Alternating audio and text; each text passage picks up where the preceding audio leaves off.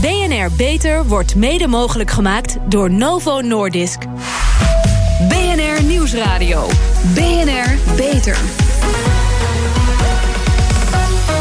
Harmke Pijpers. In ons zorgsysteem hebben de zorgverzekeraars de taak om de kosten te drukken. Maar te starre protocollen en de enorme administratielast hebben tot gevolg dat de zorg voor de patiënt onder druk komt te staan.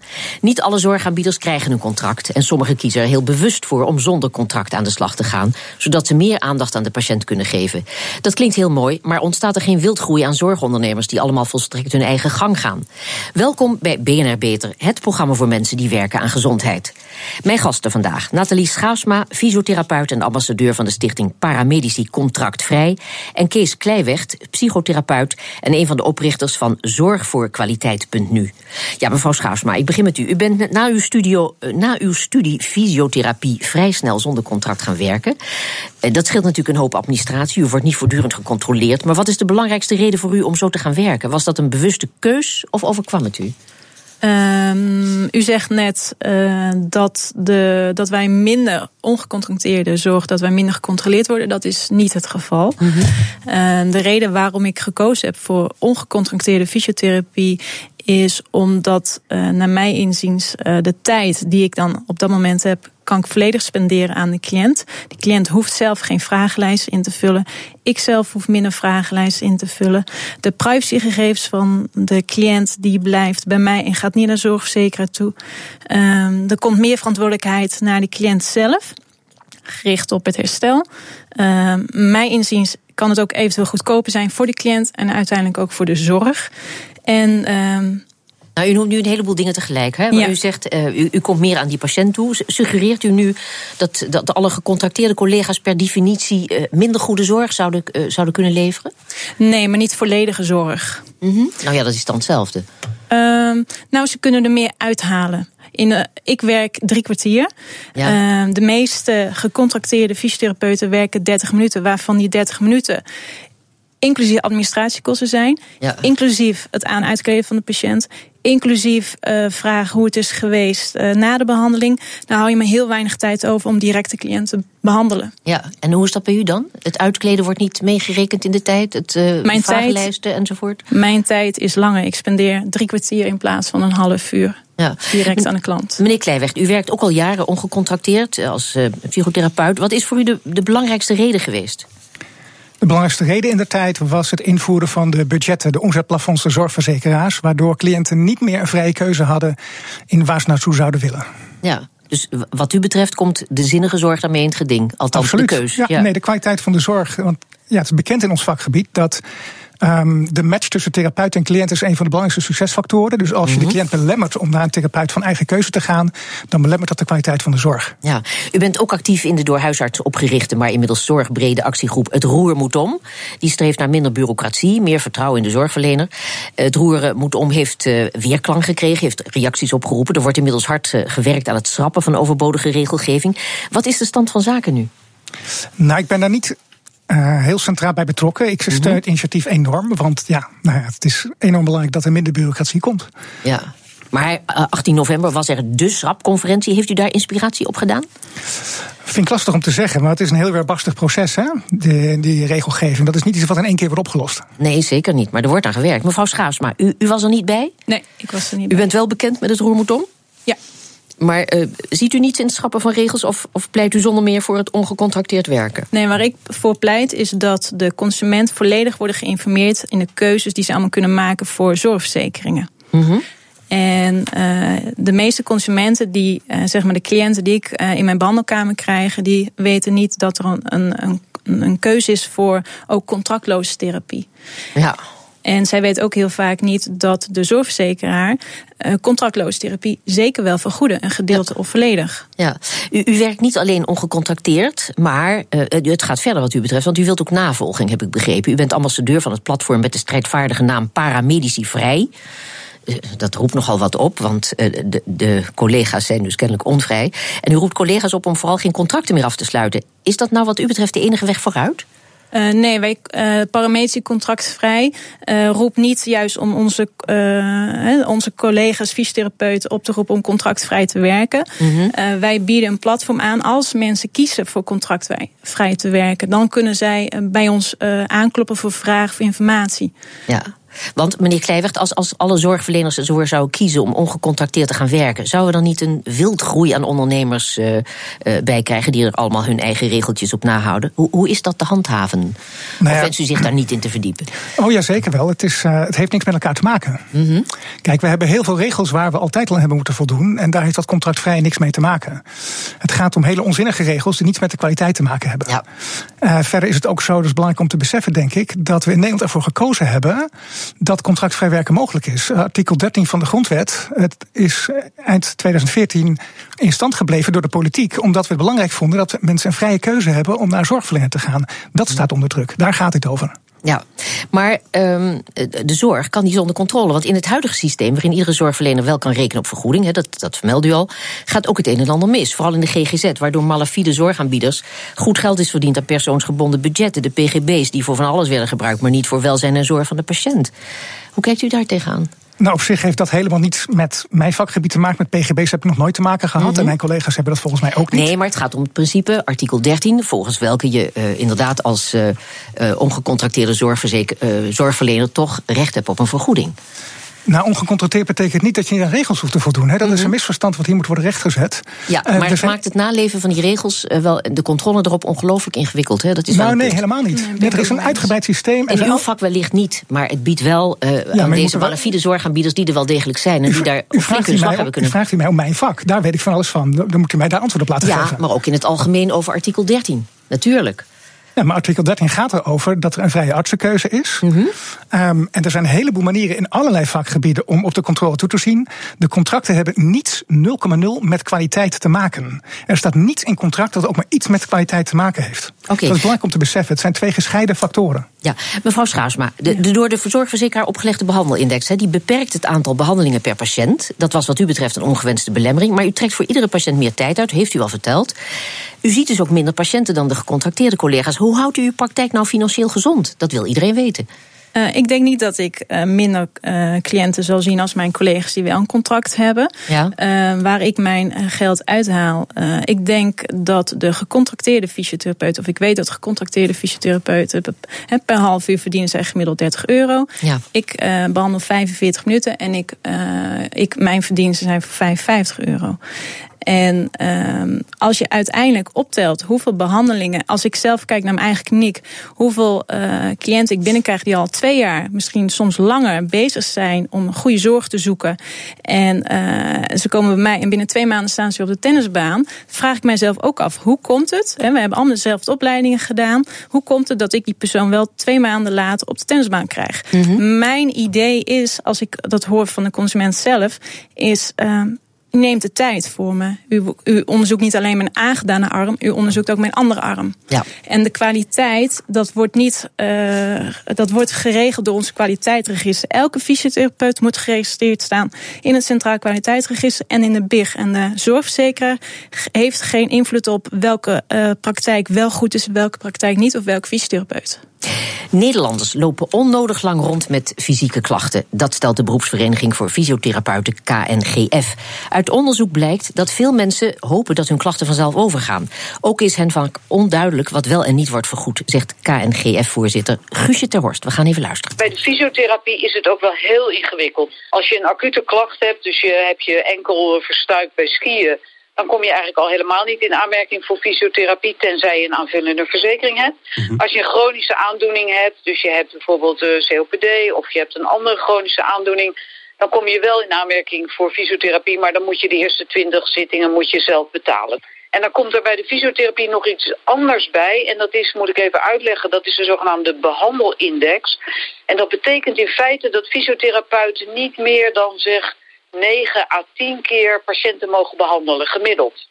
En dus als er iemand komt die heel veel zorg nodig heeft, die veel fysiotherapie nodig heeft, ja, dan kan het gebeuren dat die fysiotherapeut denkt, ja, dat ga ik dus niet doen, want dan komt mijn gemiddelde wordt te hoog en dan word ik gestraft door de zorgverzekeraar en dan krijg ik de volgende keer geen contract. Ja. Nou, dat is wel ingewikkeld om dat aan mensen uit te leggen. Het is zeker ingewikkeld. Het, het klinkt ook tegelijk wel een beetje als de fysiotherapeuten die zeggen... we moeten meer naar de fysiotherapeut. Nee, dat zeg ik niet. Dat mensen meer naar de fysiotherapeut moeten. Maar wat wel zo is, dat sommige mensen klachten hebben die bij de fysiotherapeut zijn op te lossen. Mhm. En als ze dus niet naar de fysiotherapeut gaan, omdat ze bijvoorbeeld die eerste twintig zittingen zelf moeten betalen, dan komen mensen komen in een ziekenhuis terecht. En we weten allemaal dat een behandeling door een specialist, bijvoorbeeld een vaatchirurg of iemand die ruggen behandelt, dat dat een stuk duurder is dan de fysiotherapeut. En dus wij zeggen ook tegen de minister en anderen, wees nou wijs, zorg nou dat mensen naar de fysiotherapeut gaan als het nog mogelijk is om die klachten te verlichten, voordat de klachten zo erg zijn dat mensen naar de specialist, naar de medische specialist in het ziekenhuis moeten. Ja, is dat, is dat het belangrijkste wat u verwacht van uh, Bruno Bruins, de nieuwe minister van Medische Zorg? Ja, ik, ik hoop dat we, dat we minister Bruins uh, kunnen uitleggen uh, dat, althans dat vind ik, dat de hele belangrijke rol die hij heeft om de kosten van de gezondheidszorg in de hand te houden, dat is door meer te investeren in de eerste lijn, dus dat is de huisarts, dus de fysiotherapeut, om te voorkomen dat mensen naar het ziekenhuis moeten. Maar dan moet hij er wel voor zorgen dat het geld wat naar de ziekenhuizen gaat ook minder wordt dan het nu is. Want anders wordt het in zijn totaliteit duurder. En ik denk dat dat voor hem echt een hele belangrijke opdracht is. Ja. Begrijpt u dat, dat ondertussen sommige fysiotherapeuten zeggen... oh, dat gedoe met die zorgverzekeraars, ik ga gewoon contractvrij werken?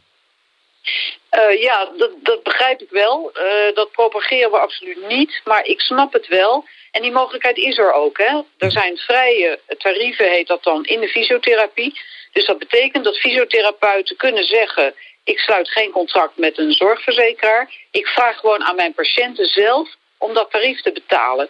Maar ja, dan moet je wel patiënten hebben die ook bereid zijn om dat tarief te betalen. En ja, eigenlijk vind ik het niet deugen. In die zin dat fysiotherapie hoort gewoon in de basisverzekering. Is een belangrijk onderdeel van onze gezondheidszorg. En daar horen dus ook gewoon behoorlijke tarieven te zijn vanuit de zorgverzekeraars voor de fysiotherapeuten. Zodat ze niet de neiging hebben om contractvrij te gaan werken. U hoorde Guusje Terhorst van fysiotherapievereniging KNGF... in gesprek met verslaggever Hugo Reitsma. Ongecontacteerde zorgverleners zeggen dat ze meer aandacht kunnen geven aan de patiënt. Maar klopt dat ook? Hoort u meer over na de reclame. BNR Nieuwsradio. BNR Beter. Ongecontracteerde fysiotherapeuten en psychotherapeuten claimen meer aandacht te hebben voor de patiënt, waardoor er betere diagnoses gesteld worden en zorg op maat kan worden gegeven, waardoor die uiteindelijk ook goedkoper zou zijn. Maar de zorgverzekeraar die verplicht is om ook die ongecontracteerde zorg te vergoeden, heeft nauwelijks controle over de besteding van het premiegeld. We hoorden voor de reclame al Guusje ter Horst van de beroepsvereniging voor fysiotherapeuten. Ze heeft wel bezwaren tegen de huidige gang van zaken, maar is geen voorstander van ongecontracteerde zorg. Zorgverleners mogen een hoger tarief aan hun cliënten vragen doen dat in veel gevallen ook. Waardoor de zorg voor veel patiënten onbetaalbaar wordt. En fysiotherapie hoort in de basiszorg, zegt Guusje Terhorst. Maar ze zijn nog meer. Goed, hierover praat ik verder met Nathalie Schaafsma, fysiotherapeut en ambassadeur van de stichting Paramedici Contractvrij. En Kees Kleiweg, psychotherapeut. Mevrouw Schaafsma, wat is uw reactie op uh, Guusje Terhorst? Um, ik um, deel het wel uh, ook wel van, vanuit haar. Um, wat, wat, deelt u precies? Nou, nogmaals, mijn, uh, mijn insteek zelf is niet om en dat we contractloos moeten gaan werken uiteindelijk. Mm -hmm. uh, alleen dit is nu een middel om wel te zorgen dat de fysiotherapie, de zorg, gewoon goed geleverd kan worden. Ja, en meneer Kleiweg, wat is uw reactie op Guusje Terhorst? Nou, ik wil in ieder geval zeggen dat in ons vakgebied het totaal niet speelt. Een hoger tarief, dat mag niet eens. Die zijn wettelijk vastgesteld. We hebben exact dezelfde tarieven als mensen die wel contracten hebben. Ja. Um, en ten tweede, um, ja, er wordt nu een soort indruk gewekt dat we een beetje een raar clubje zijn, zal ik maar zeggen, die nee, met contracten werken. Wat mij betreft niet. Nou ja, er wordt wel gedaan alsof, dat, alsof je dan buiten de regelgeving bijna plaatst. Mm -hmm. Maar het is juist zo dat er is een hinderpaalcriterium in de wet. En dat betekent dat er geen beletsel moet zijn om naar een ongecontracteerde hulpverlener te gaan. Dat betekent. Ja, vrije artsenkeuze. Ja, en dat ja. betekent dat men dus ook wil in de politiek, en dat, dat, daar sta ik achter, dat je niet alleen maar via gecontracteerde, via de zorgverzekeraar controle hebt over hoe het zit. Nee. Maar dat dat breder is. Dat is een nationaal belang, waardoor niet alleen maar de zorgverzekeraars die meer op geld en op kwaliteit letten, kunnen bepalen wat er gebeurt met de zorg. Ja. Dat is mijn reactie. Goed, we hadden het net al even over de behandelindex, de onvrede van zorgverleners. Wat zou er anders moeten om patiënten welzinnige zorg, zorg op maat te kunnen geven? Is de restitutiepolis dan dé oplossing? Die dus beter zou zijn dan de polis in natura, meneer Kleiweg? Nou, die is in elk geval, ik zou iedere cliënt aanraden er zeer serieus over na te denken. Ja. Uh, want het gaat over, in mijn optiek heel erg over vrije keuze. En de vrije keuze, al, ik zag over toevallig staan, ik heb er vandaag naar gekeken, dat bij sommige van die naturapolissen staat, ja, er zijn bepaalde ziekenhuizen uitgesloten. Stel, je hebt een probleem, dat kan je ja. in het begin van het jaar niet voorzien. En je moet naar een ziekenhuis, of je wil naar een ziekenhuis, en dat is dan niet verzekerd voor jou. Dat wil je niet. Nee. Met een goede restitutiepolis, en er staan een aantal van op onze website van zorgkwaliteit.nu, um, uh, dan bescherm je daartegen. Een verzekering moet zijn dat je je beschermt tegen onnodige risico's. Dus daarom raad ik iedereen aan zeer goed over na te denken. Zoveel duurder is het niet. Ja.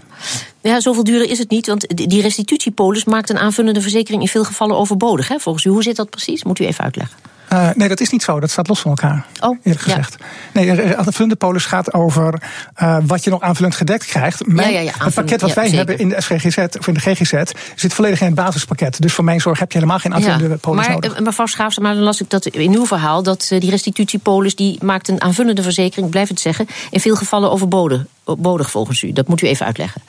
Um ik denk niet dat je dat zo hard, uh, zo duidelijk kan zeggen. Mm -hmm. Wat ik vind is dat de aanvullende verzekeringen, als je kijkt hè, naar de cijfers, uh, 40% van de mensen die aanvullend verzekerd uh, willen zijn, is voor fysiotherapie. Ja. het gemiddelde aantal behandelingen wat ze daarvan nemen zijn 12. Ja. Dus één keer in de maand. Uh, daar kan je voor kiezen om daar een aanvullende verzekering voor te, uh, te, kiezen. Maar je kan ook zeggen van nou, als ik alleen daarvoor aanvullend verzekerd ben, kan ik dan niet beter los gewoon fysiotherapiebehandeling kopen bij de ongecontracteerde fysiotherapeut. En daar kom ik dan ook gelijk bij. bij. Dan zou het dus inderdaad zo kunnen zijn, als mensen dit zo kunnen betalen en ja. ze daarvoor kiezen, dat uh, het uiteindelijk de zorg, het scheelt iets geld voor de zorg. En de verantwoordelijkheid voor je eigen herstel uh, beïnvloed je daar uh, ook in mee. Ja, mensen komen nu vaak te laat bij de fysiotherapeut en lopen te lang met hun klachten rond omdat ze bang zijn dat het ten koste gaat van hun eigen risico. Ja, wordt het niet eens tijd om wat aan de voorlichting te doen, zodat de mensen niet meer te laat bij de fysiotherapeut komen? En uh, dan hebben ze misschien, omdat ze minder lang doorgelopen hebben, wellicht minder behandelingen nodig dan nu vaak het geval is. Misschien komen ze dan wel uit met het aantal behandelingen dat volgens de index is voorgeschreven. Mevrouw Schaafsma. Um, ik denk sowieso dat je gewoon eerst heel goed moet kijken. Heb je inderdaad fysiotherapie nodig? Ik merk mm -hmm. dat sommige specialisten daar nu ook. Hè, dan stel uh, u, hè, mensen die uh, hebben bijvoorbeeld een nieuwe knie gekregen. Uh, de regel is nu zo: als je een nieuwe knie hebt, dan krijg je een jaar lang recht op fysiotherapie. Dus de, de, gecontracteerde fysiotherapeut vindt het natuurlijk alleen maar fijn, want dan weet je gewoon: ik heb een jaar lang een cliënt. Ja. Um, dat vind ik niet de juiste manier om, om dat te benaderen. je merkt ook dat de consument daarvan dan uh, overbelast raakt. Je blijft in zo'n cirkeltje uh, hangen. Die cliënt, als je gewoon teruggaat naar die cliënt, dat ze eigen verantwoordelijkheid nemen voor hun herstel. En duidelijk uh, aangeeft wat voor zorgverzekeringen zijn er en ongecontracteerde fysiotherapie. Mm -hmm. Dat ze daaruit kunnen kiezen. En wat ze dan ook kiezen, dat maakt mij niet uit. Maar de zorgverzekeraar moet transparant zijn in ongecontracteerde fysiotherapie. Ja, uit een onderzoek van het uh, Zorgverzekering Informatiecentrum blijkt dat 70% van de fysiotherapeuten ontevreden is over de zorgverzekeraar. Uit het onderzoek komt naar voren dat 62% van de fysiotherapeuten zich gedwongen voelt door de zorgverzekeraars om behandelingen voortijdig te stoppen. De therapeuten zijn van mening dat de patiënten vaak niet de zorg krijgen die ze nodig hebben, zelfs als de polis van de patiënten aangeeft dat ze wel recht hebben op die behandelingen. Maar toch werkt het overgrote deel nog onder contract.